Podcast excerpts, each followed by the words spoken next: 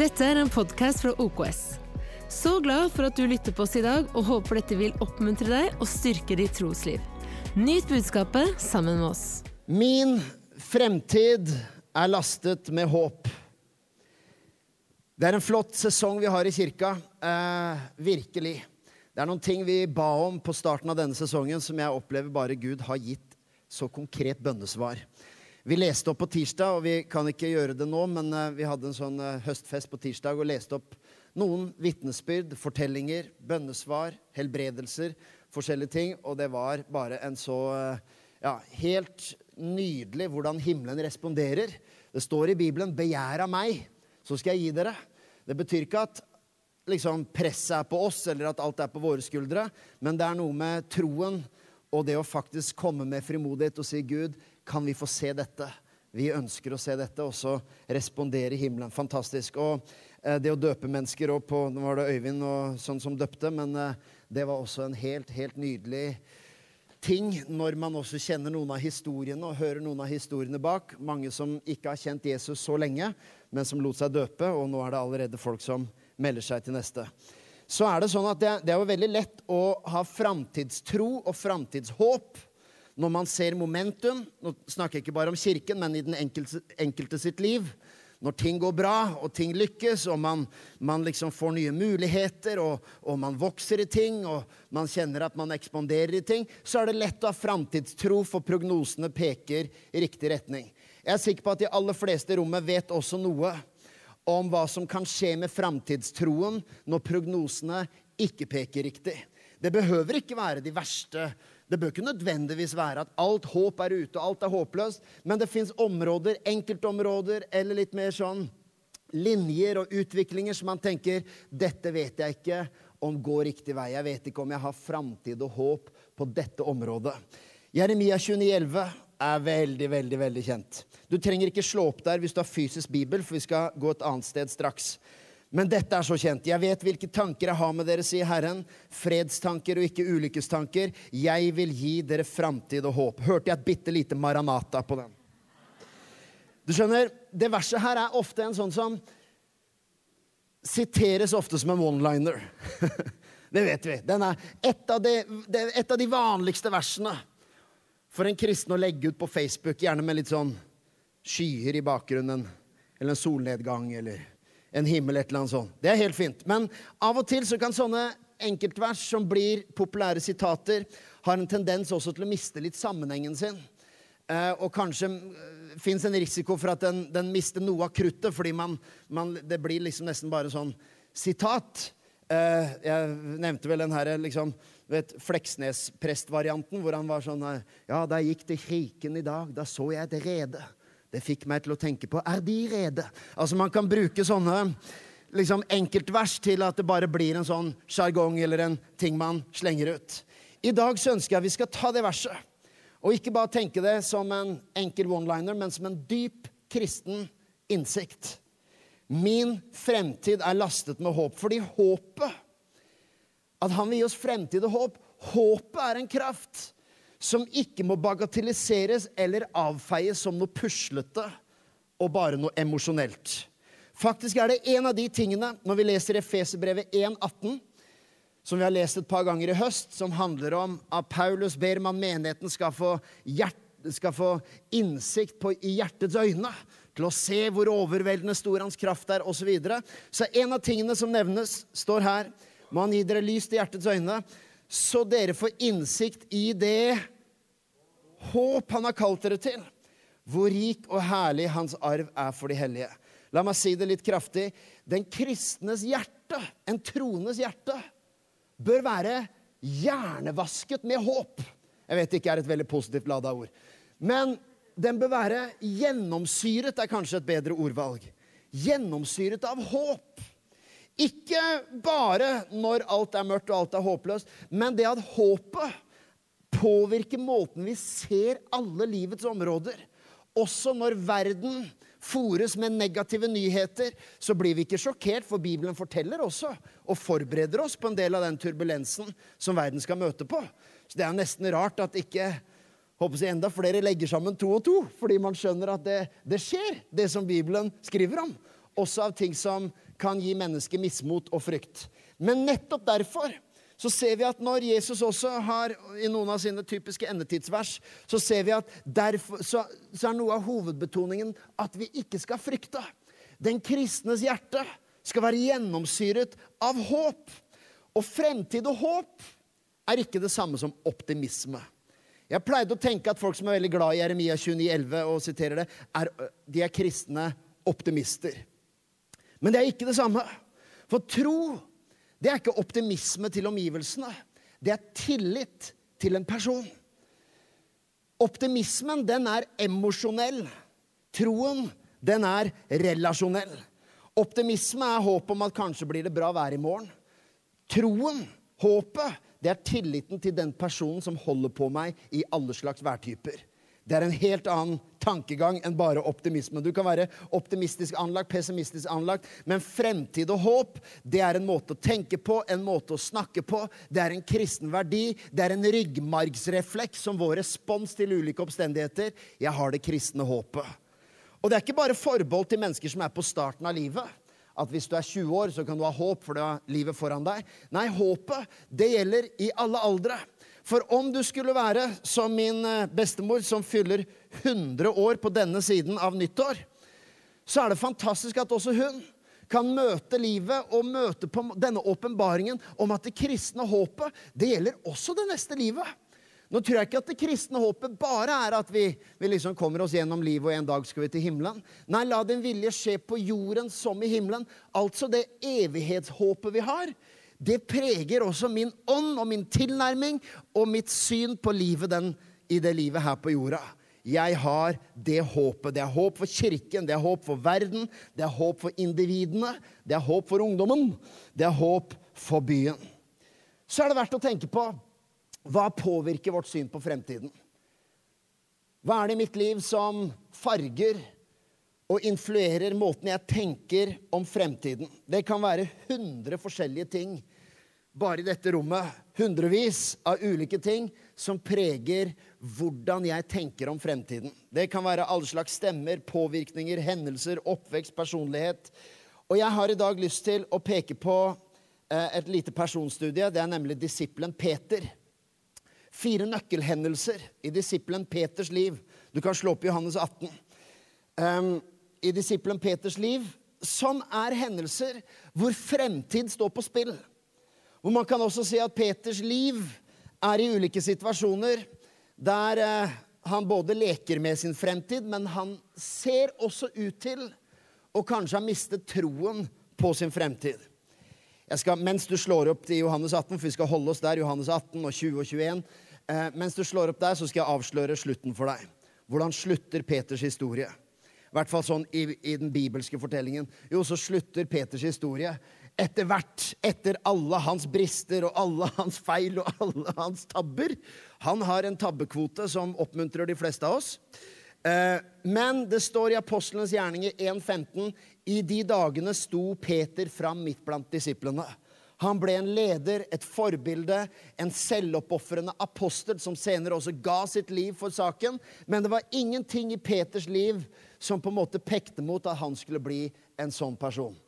Vi skal se på de hendelsene og hvordan hans fremtid på en måte var preget av det som hendte. Det som er fantastisk når vi ser hvordan Peter står fram, det er at Jesus har gjenopprettet hans tro, gjenopprettet hans hjerte. Og um, helbredet virkelig hans manglende fremtidstro. Og det kan han gjøre for deg og meg òg. Amen? Det er nydelig. Det fins håp. Her er den første episoden i Peters liv, og dette er når han fornekter Jesus. Johannes 18, vers 25-27. Imens sto Simon Peter og varmet seg. Kanskje han var halvt norsk. Da sa de til ham, 'Er ikke du også en av disiplene hans?' Men han nektet og sa, 'Nei, det er jeg ikke.' En av øversteprestens tjenere, en slektning av han som Peter hadde hugget øret av, sier, Så ikke jeg deg i hagen sammen med han? Men Peter nektet igjen, og straks gol hanen. Du kan bli Johannes, men la meg lese slutten i Matteus 26, 75. Da husket Peter det Jesus hadde sagt til ham. Før hanen galer, skal du fornekte meg tre ganger. Og han gikk ut og gråt bittert. Det er noe med det øyeblikket her som er en slags sånn Det er selvinnsikt hos Peter uten håp. Han går ut og gråter bittert. Og det som gjør historien nesten litt sånn tåredryppende, det er jo at dette er noe av den siste samhandlingen mellom Peter og Jesus før han dør. Og jeg kan tenke meg liksom også ved korset at, at denne episoden den må liksom dirre litt i bakhodet hos Peter etter å ha gått med Jesus i tre år. Man skulle normalt tenke at det å gå med Jesus i tre år altså det er jo liksom, Og når det er over, så skulle du tenke at det er den beste bibelskolen du kan ha. Det er nesten på linje med bibelskolen OKS å gå med Jesus i tre år. Det er ikke langt unna, i hvert fall. Eh, og man skulle tenke at nå begynner det. Men det er noe i Peters framtidstro som er helt svekket. Hvor han har vært med på et eventyr, og det har vært en boost, og det har vært et momentum, og det har vært energi, og det har vært løft, og det har vært spenning. Eh, og så står han her, og noe av det siste han gjør før helten hans dør, er at han har sviktet ham på det sterkeste og fornekta at han i det hele tatt kjente ham. Det er ikke mye i denne historien som minner om en apostel, en leder, en med mot og selvoppofrelse. Derfor er mitt første av fire punkter. Din fremtid er ikke styrt av ditt svakeste øyeblikk. Jeg håper at de fire punktene kan kanskje treffe litt ulike mennesker. og Det er ikke sikkert denne her treffer alle sammen med en gang. Men for noen så var dette grunnen til at du kom i dag, for å høre at din fremtid er ikke styrt av ditt svakeste øyeblikk. La meg forklare litt hva jeg mener, for dette var Peters svakeste øyeblikk. Dette var det øyeblikket hvor hans tro var på det mest pinglete mest skuffende, mest uh, laveste Minste felles multiplum. Er det noen som har lært om det i mattetimene? Minste felles multiplum. Den laveste tingen Eller hvordan definerer man minste felles multiplum? Jeg ser på Katrine. Det er ingen grunn til å gjøre.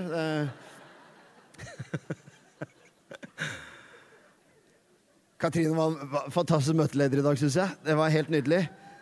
Veldig bra. Hun er bare helt fantastisk. Jeg, jeg, jeg sto her på første rad i lovsangen, og så sørte jeg litt kaffe. Og så kommer Katrine, og så, og så sier jeg liksom Du, jeg har sølt litt kaffe her. Å, vil du jeg skal ta det nå? sier hun.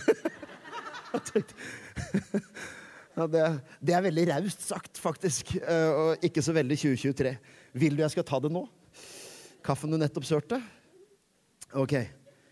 Din fremtid er ikke styrt av de svakeste øyeblikk. Du skjønner, Det er så fort gjort når man tenker på fremtiden ikke, Nå tenker jeg ikke liksom bare hele livet og min fremtid, men enkeltområder. Min økonomiske fremtid. Min fremtid som disippel og etterfølger av Jesus. Vår fremtid i ekteskapet vårt. Fremtiden for barna våre, eller fremtiden for en av ungene våre. eller liksom ulike ting. Så er det så lett å tenke på Man får et bilde i hodet av det svakeste øyeblikket. Og så er det med å prege på en måte frykten for hva som kan skje eller er med å skape mismot for hvilken retning det kan gå. Jeg vet du har hørt dette før, og jeg sier det bare for å eh, si, eh, Det er ikke en reell risiko, det jeg sier nå, men det er som forkynner. Så er det sånn at noen søndager så opplever du at det er et veldig løft, og du legger deg om kvelden, og du er bare takknemlig og syns du har verdens beste jobb. Og så er det andre søndager hvor du opplever at liksom hvert ord du sa, bare kom ut sånn og ble skutt ned som en slags eh, Bare ligger, ligger på bakken og kan bare tråkke på det, og du legger deg. Og da hender jeg kommer hjem om kvelden, og så sier jeg Litt ironisk, men da skjønner Katrine åssen dag det har vært. Så dette er litt sånn, litt sånn terapeutisk, da, men da, da, sier jeg liksom det Ja, eh, nei, i dag eh, Det var min siste preken, sier jeg. Nå er det slutt. Nå legger jeg opp. Så det var gøy så lenge det varte, men etter i dag never again. Ever again. Og så ser hun på meg. 'Det går bra, det, gutten min. Vi snakkes i morgen, vi, gutten min.' uh, men du vet, hvis jeg tar Du kan sikkert kjenne igjen litt sånn andre områder hvor, hvor det blir også mer enn bare humor, hvor du kjenner at det er det svakeste øyeblikket er med å definere hvordan man snakker om fremtiden. Noen behandler jo også Kirken litt sånn at man, man, kanskje er såret av noe eller man er fornærmet av noe. Så tar man det som man opplever som det verste øyeblikket. Og så får det lov å definere hele mitt syn på Kristi menighet. Det er sykt. Men hvis du gjør det samme med livet ditt, så tar du deg i ditt svakeste øyeblikk, når du falt, når du skuffa, når du svikta, når du tenkte at ah, 'jeg burde vært bedre enn dette her', 'jeg burde hatt høyere nivå enn dette her', sånn. Og så tar du av og til det øyeblikket Og så planter det mismot og, får, og preger deg i måten du tenker om din fremtid. Vi vet at ordet, navnet Satan, betyr anklageren. Mange har et bilde av at det djevelen aller mest gjør i menneskers liv, er at han kommer med moralske fristelser. Sånn som du leste i Donald-blader. ikke sant? Når han hadde en uh, engel her og en djevel her, og så drev de og krangla og prøvde å overbevise, overbevise, Donald om hva han skulle gjøre. Dere har ikke lest Donald-blader, det er bare lest Bibelen her. Fantastisk. Eh, det er ofte sånn man tenker at de har liksom Guds stemme her, og så er djevelens stemme her. Nei, og Det kan godt være at det stemmer noen ganger, at han frister med umoral, men den vanligste fristelsen, eller den vanligste atferden av en anklager, er ikke nødvendigvis at han lokker deg ut på glattisen. Han bruker den glattisen du allerede har gått på, til å diskvalifisere deg og si hvorfor du ikke kan ha framtidstro på det området. I ditt kall, i din gave, i ditt kristenliv. Det er et bibelsk mønster at det som djevelen gjør, er ikke nødvendigvis 'Kom, skal jeg vise deg de verste tingene'. Han, han, tar det du allerede har vært innom, og så bruker han det som vi kaller en kjerne av løgn tildekket med et skall av sannhet. Bruker han noe som er reelt, og noe som er konkret fra ditt liv, til å diskvalifisere og skape mismot. Vit dette her, når de svakeste øyeblikkene treffer deg. Om ikke det er noe du tenker på akkurat nå, men kanskje også noe senere i livet. Vit at dette er ikke utgangspunktet for Guds planer for deg. For jeg vet hvilke tanker jeg har om dere. Tanker til framtid og håp, og ikke ulykkestanker. Jeg ber om at deres hjerters øyne må bli opplyst, så dere skal forstå hvor stort, hvor, hvilket håp det er for de hellige. Vi lever med et håp, ikke bare for de rundt oss, men for den du er, ditt kall. Ikke la ditt svakeste øyeblikk få lov å definere den du er, ditt kall, din fremtid, din gave, hvordan Gud vil bruke deg. Du skjønner, Peter er vårt eksempel på at de svakeste øyeblikkene ikke behøver å definere fremtiden. Så er det en liten styrke også med de svakeste øyeblikkene. Bare som en parentes her. Det er egentlig en litt annen preken, men for hvis vi går gjennom livet og kun tenker på alle våre sterkeste øyeblikk og alle mine gode sider og alle mine herlige egenskaper, så kan det også være et spor der man, der man lever litt i benektelse av ting som trengs å korrigeres og endres osv. Så, videre. så her er, her er bare en liten oppmuntring på tampen. De svakeste øyeblikkene kan også opplyse oss sjøl om vårt behov for nåde. For du vet, Mange tar ikke imot nåde, for man tenker ikke at 'jeg er ikke blant de individene som trenger nåde'. Det er de narkomane. Solbrilletyver. Sånne folk. Den slags. Aksjehandler. De folka. De trenger nåde. Derfor, og nå snakker jeg bare håper jeg, Skal ikke ta det gjennom alle mine eksempler på det, men de verste øyeblikkene kan være litt sunne også. Den, hvis du faller tilbake på nåden. For hvis alles behov for nåde Det er jo interessant med samfunnet med, med at liksom, noe av det verste ordet du kan bruke, er liksom synd. Og så står man likevel og ser en verden som splittes og rives i biter på mange måter. Og så, og så er på en måte kristne læren forklarer hvorfor. Mennesket, uansett hvor du plasserer deg, hvilken religion, hvilken kultur, hvilket land, vi kommer til å ville kjempe og slåss og ha makt og, og, og posisjoner og, og, være egoister. Det er liksom noe av, noe av bare det vi kan åpne vår bibel og lære. Og da er det sånn her at ditt svakeste øyeblikk definerer ikke fremtiden din. Men tenk også hvilken forståelse av Guds nåde vi får hvis Hvilken nivå av erkjennelse? Hvis vårt svakeste øyeblikk også blir på en måte vår påminnelse om at også jeg trenger nåden. Vi trenger Jesu Kristi nåde. Hvis du går gjennom livet og tenker at nåden er for de svake og de utslåtte og alle de som ikke får til livet sitt, men jeg har heldigvis orden på ting, vel, da er de svakeste øyeblikkene Det sitter noen mennesker her, skal ikke ta dere fram, men jeg vet at det er noe av din fortelling. At man møtte på en vegg, man møtte på en, en, en prøvelse man aldri hadde vært borti før i livet. Og det ledet en til Guds armer, og ledet en til den nåden man trodde man ikke trengte. Så det svakeste øyeblikket er ikke helt uten mening eller uten en måte å anvende det på, men det er ikke det som styrer din framtidstro og ditt framtidshåp. Amen. Nummer to din framtid er ikke styrt av hva de andre gjør. Her har Du du kan bla et par sider fram til Johannes 21. Vers 21-22. Da Peter fikk se ham Dette er da eh, Peter fikk se Johannes. Så sier Peter til Jesus, 'Herre, hva skal skje med ham?' Og det er Johannes. Jesus svarte, 'Om jeg vil at han skal leve til jeg kommer, hva angår det deg? Følg du meg.' Hør her, jeg vet at du som har vært i kirken, du har helt sikkert hørt andakter og prekener før om sammenligning. Men vet du hva? Sammenligning er som en mygg på en fuktig sommerkveld. Det, har du kverka én, så kommer det en til. Den har en tendens til å, til å, dukke opp i alle slags mulige varianter. Jeg har en litt, flau, eh, litt flaut eksempel, men det er, så, det er, så, fort gjort å måle din fremtid og min ferd og mitt potensial med utgangspunkt i hva andre får til. Så jeg får veldig sjøltillit hvis jeg ser at andre er dårligere enn meg.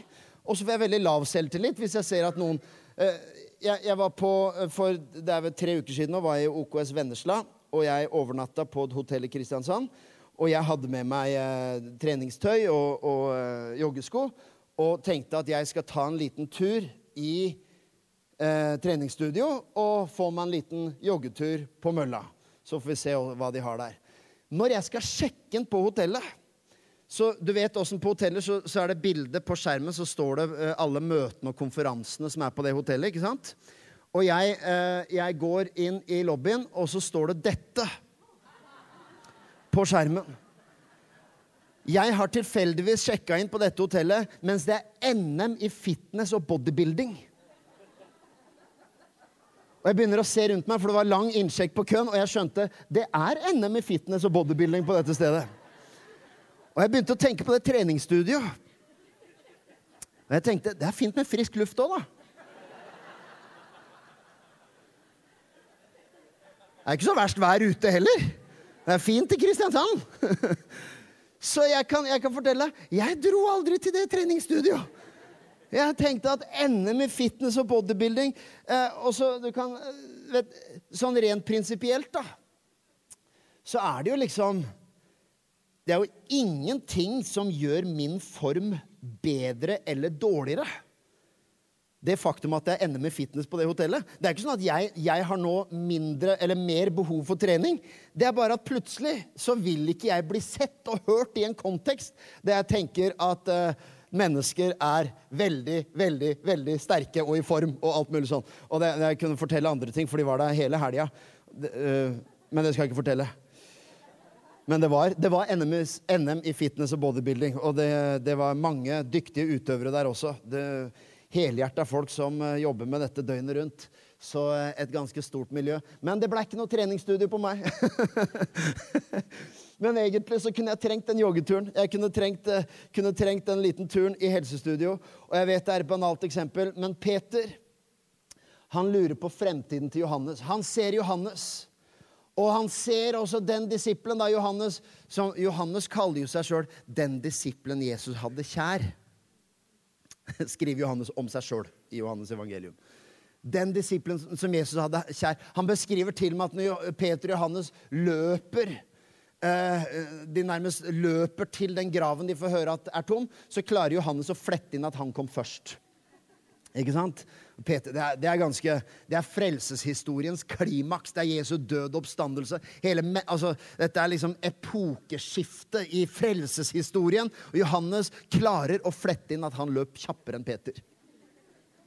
Men til og med når Jesus sitter og forbereder disiplene på at han skal være borte, og forbereder, forbereder egentlig disiplene på fremtiden, så har Peter et spørsmål, og det er hva med han? Hva skal skje med han? Du skjønner, du kan se på noen andres fremtid og lure på noen andres fremtid og noen andres nivå, men Jesus han ser på deg og sier, 'Følg du meg. Jeg har et løp som gjelder for deg.' Noen vil alltid være bedre. Det gjør ikke deg til en fiasko.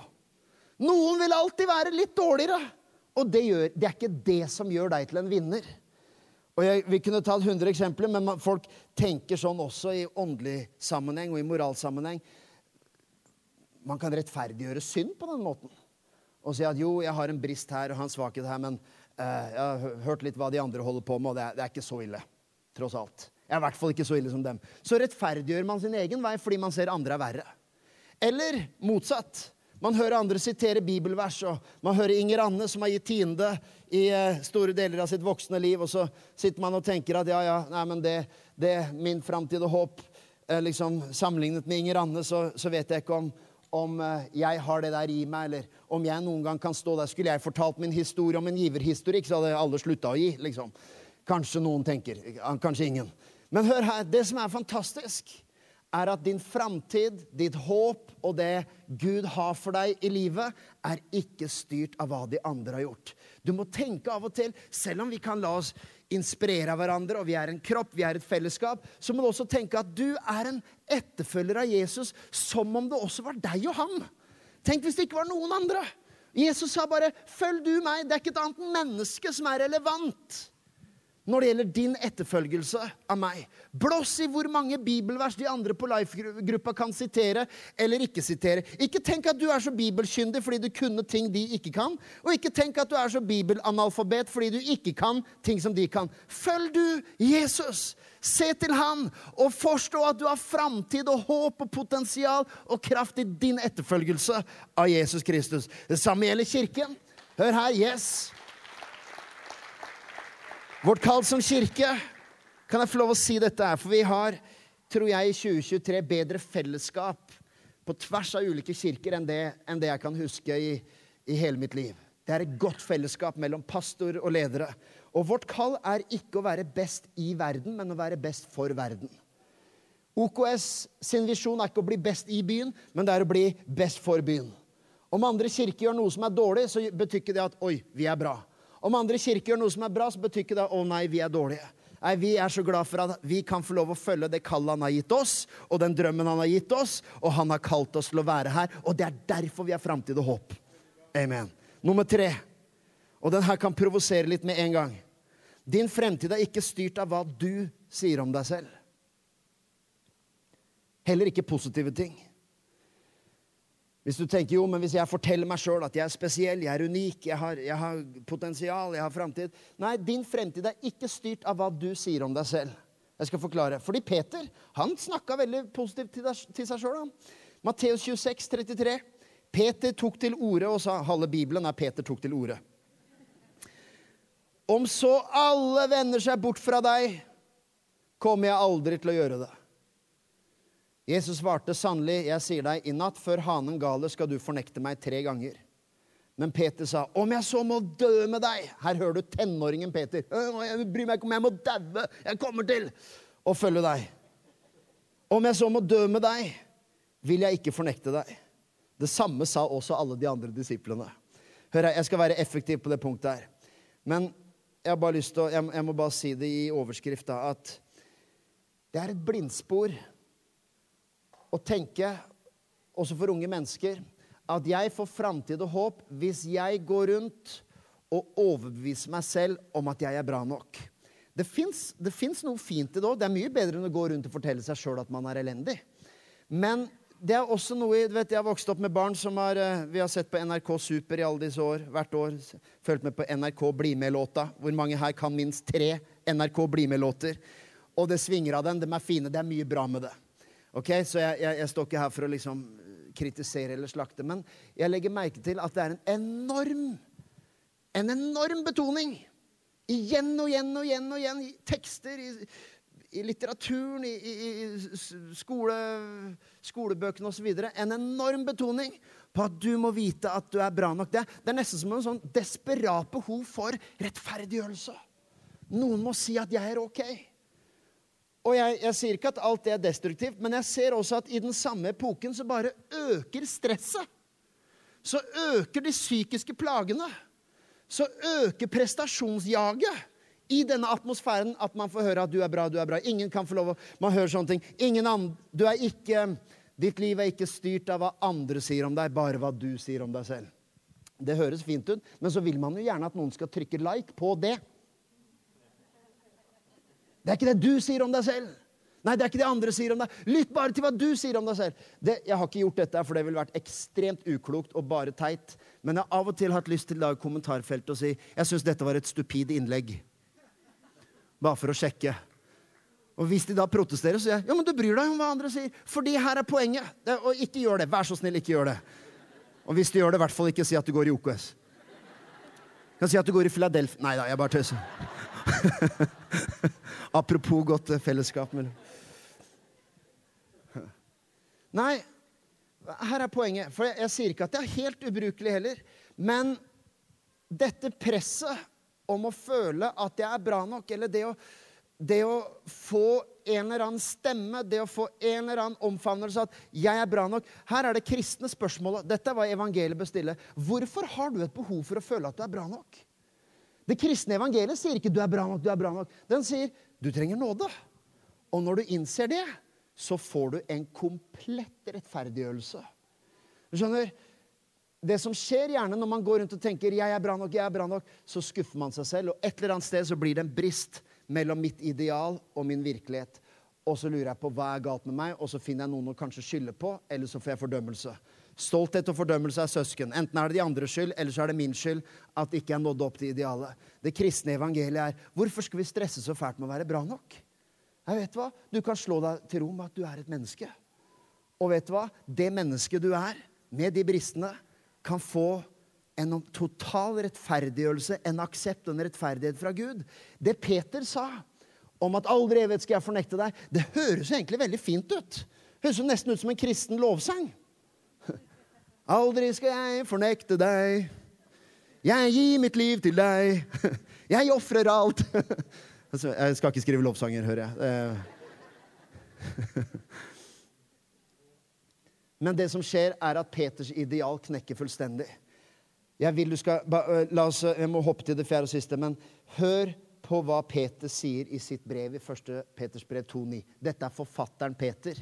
Samme disippel som skrev 'Aldri skal jeg fornekte', aldri skal jeg Hør hva han sier, 1. Peters brev 2,9. Men dere er en utvalgt slekt, et kongelig presteskap, et hellig folk et eiendomsfolk, så dere skal forkynne hans underfulle storverk. Han som kalte dere ut av mørket og inn i sitt underfulle lys. Det her gir meg frysninger på ryggen. For hva er forskjellen? Peter går fra å si 'jeg skal aldri fornekte', og 'jeg er en disippel', og 'om jeg så må dø, skal jeg gjøre', og 'jeg er sånn', og 'jeg er bra nok', og 'jeg er skikkelig kristen'. Og så skuffer han seg sjøl. Mens på andre siden nå når han har blitt gjenopprettet i sin tro, så skriver han ikke lenger hvor fantastisk disippel han er. Han snakker ikke jeg, La meg få riktig formulering. Han fokuserer ikke lenger på alt det han mener om seg selv. Han fokuserer på det Gud sier om oss. Og betoningen er på hans underfulle storverk. Han som kalte dere ut av mørket og inn i sitt underfulle lys. Så hans identitet er nå ikke preget av hvor iherdig disippel han skal være. Hans identitet er preget av hva Gud sier om han. Din fremtid er ikke styrt av verken det positive eller negative du forsøker å si om deg selv. Din fremtid er styrt av hva Gud sier om deg. Guds ord definerer din identitet. God kristen sjelesorg når mennesker kanskje kommer og sier at 'jeg klarer det ikke, jeg får det ikke til', så er god kristen sjelesorg er ikke bare 'jo da, du får det helt sikkert til', du er helt sikkert bra. Men det er å kunne si 'nei, vet du hva', kanskje du føler du ikke får det til, men Kristus i deg makter alt i Ham som gjør oss sterke. Det fins noe som er større. Erkjenn heller at ok, her var jeg litt utilstrekkelig, men det fins en styrke, og det fins noe som bor i meg, som er større enn han som er i verden. Det er fremtid og håp. Det fjerde og det siste, og lovsangeren kan gjerne, eller vi kan gjerne få keys på plass, og så tar vi det derfra. Din fremtid er ikke styrt av historikk og det du kommer fra. Wow. Du skjønner, det er igjen Peter i Johannes 21, 3. Simon Peter sier til de andre, 'Jeg drar ut og fisker'. Vi blir også med, sa de. Det er ganske ofte blant disiplene at Peter gjør noe, og så sier de andre, 'Ja, vi, vi også'. Så han var jo en leder tidlig, da. Men hva er det som skjer her? Jo, dette er etter Jesus har dødd. Um, og det er noe desillusjonert over denne teksten. At Peter skal ut og fiske. For husk, de har gått med Jesus i tre år. Man skulle tenke at nå skjer det. Men i stedet, etter Jesu død, så sier Peter, 'Jeg går og fisker'. Hva er det som er så spesielt med at Peter går og fisker? Og jeg skal vise deg. Det som er spesielt med at Peter går og fisker, det er at når Peter og de andre disiplene følger etter Jesus, så gjør de en bestemt handling. Vet du hva det står? Det står i Matteus 4,20. Straks lot de garnet ligge og fulgte ham. Nå er ikke mitt budskap at du må gi opp en jobb, Men for disiplene så var det garnet representerte noe de måtte legge fra seg for å følge ham. Og det er sånn i etterfølgelse av Jesus. Så er det sånn at Gud ber ikke oss om å legge noe fra oss fordi han ønsker å gjøre oss fattigere, eller ta noe fra oss. Gud ber oss legge av ting fordi han ønsker å gi deg noe annet. Tenk hvis disiplene sa, når Jesus sa 'Kom og følg meg', og så sier disiplene at jo, vi vil, vi vil gjerne følge deg, men vi vil gjerne ha med oss disse garnene også, så vi kan kombinere litt. Da ville de aldri vært i stand til å leve det livet som Jesus kalte det inn til, hvis de skulle hatt med seg garnene. Derfor så, sier, derfor så står det straks la de fra seg garnet og gikk og fulgte ham. Men så kommer disiplene, og ikke minst Peter, i en situasjon hvor de ikke helt ser fremtiden lenger. Akkurat som jeg kan kjenne meg igjen. Den teksten er egentlig veldig synes jeg er veldig veldig ærlig. For når man ikke helt ser fremtiden Det er ikke sikkert du er liksom helt på sammenbrudd, men du ser bare ikke helt veien. Og så er det så lett å gå tilbake til noe som du føler deg trygg på. Gå tilbake til noe som du en gang la fra deg. Når noe ikke helt ble som man håpet, så rusler man tilbake, og så plukker man opp igjen noe som man en gang sa nei til, eller noe som man en gang Nå sier ikke jeg at det er feil noen ganger å gå tilbake til en annen jobb, eller eh, gå tilbake til noe du har drevet med før, men jeg snakker om å gå tilbake til noe som Gud har bedt deg om å legge ned. Noe du la ned, ikke fordi Gud ønsker å liksom bevise, bevise din lojalitet, nei, fordi Gud ønsker å fylle hendene med noe nytt. Når Gud ber deg slippe noe, er det alltid fordi han har tenkt å gi deg noe bedre. Alltid. Og du skjønner, hvis man får Peter, som da liksom sakte tusler tilbake til det gamle, så er det en sånn ånd av mismot at hans fremtid er nå styrt av at jo, det var fint så lenge det varte, men nå ser jeg ikke helt veien. Av og til så er det så små ting som kan plante det mismotet i folk, som gjør at man går tilbake igjen. Av og til så små fornærmelser. Hør her, Vi har nettopp lest om det under, Guds underfulle storhet, om et hellig folk og det kallet vi har til å forkynne Hans underfulle storhet. Det blir så smått noen ganger hvor små ting som kan liksom rive det der ned. En fornærmelse, en skuffelse, og så ser man plutselig lenger ikke fremtiden. Så tusler man tilbake og begynner å plukke opp gamle uvaner, gamle tradisjoner, gamle ting som man kanskje kjenner en viss bekvemmelighet med. Jeg er så glad for. Hør på Jeremia 29, 29,11 helt til slutt. Jeg vet hvilke tanker jeg har med dere, sier Herren. Fredstanker og ikke ulykkestanker. Jeg vil gi dere fremtid og håp, for dette blir sagt til Israel i en situasjon hvor de er nettopp sånn i mellomland. Hvor de ikke helt ser hva som kommer til å skje. De er i eksil. De er litt usikre på liksom, skal Gud bringe oss tilbake til Jerusalem, eller skal vi bli her. Og da sier teksten videre, når dere kaller på meg og kommer for å be til meg, vil jeg høre på dere. Dere skal søke meg, og dere skal finne meg. Når dere søker meg av et helt hjerte, lar jeg dere finne meg, sier Herren. Så vil jeg vende skjebnen for dere og samle dere fra alle de folkeslag og steder som jeg har drevet dere bort til, sier Herren. Dette er et vers. Jeremia 29,11 er et vers som handler om tillit. Å stole på Gud selv når man ikke helt vet. Å stole på at OK, jeg skal ikke gå tilbake til garnet, men jeg ser ikke helt hva som er foran heller. Men jeg vet at det Gud har for meg, er framtid og håp, så jeg skal følge Han. Jeg skal gå på den veien som han har kalt meg til. Og hans løfte til oss, det er framtid og håp. Filippebrevet 1,6 sier at 'jeg er helt overbevist om dette', at han som har begynt en gode gjerning i dere, vil fullføre den inntil Jesu Kristi dag. Paulus skriver ikke dette fordi han er optimistisk anlagt. Han skriver det fordi han kjenner Jesus Kristus. Han har tillit til den personen. Så din fremtid er ikke definert av ditt svakeste øyeblikk. Den er ikke definert av hva de andre gjør. Den er ikke engang definert av alt det du prøver å si om deg selv. Og den er heller ikke definert av hvor du kommer fra, din fortid. Kanskje fins noen mønster i din familie som er litt sånn Ja, i min familie har det alltid vært angst. I min familie har det alltid vært depresjon. Ja, jeg, jeg, husker både far og bestefar og oldefar. I vår slekt har det alltid vært avhengighet, så jeg har sikkert anlegg for det, jeg også. Det kan godt være fint å være våken på sånne ting, men vet du hva? Din fremtid er ikke styrt av hva du kommer fra, og den er ikke styrt av hva du sier om deg selv. Den er styrt av hva Gud sier om deg selv. Og du har en ny identitet. Den som er i Kristus, er en ny skapning. Det gamle er borte. Se, alt er blitt nytt. Du er ikke din far, du er ikke din bestefar. Du er ikke din slekt, du er ikke dine søsken. Du følg du meg, sier Jesus Kristus. Det er det livet han kaller deg inn i. Amen. Amen. Hør her. Yes. Takk for at du tok deg tid til å lytte på en av våre podcaster fra OKS. Vår visjon er å bringe Jesus til mennesker i vår verden, og mennesker i vår verden til Jesus. Følg oss ellers på vår YouTube-kanal og sosiale medier. Du er velkommen til å besøke en av våre kirker. For mer informasjon, sjekk ut oks.no.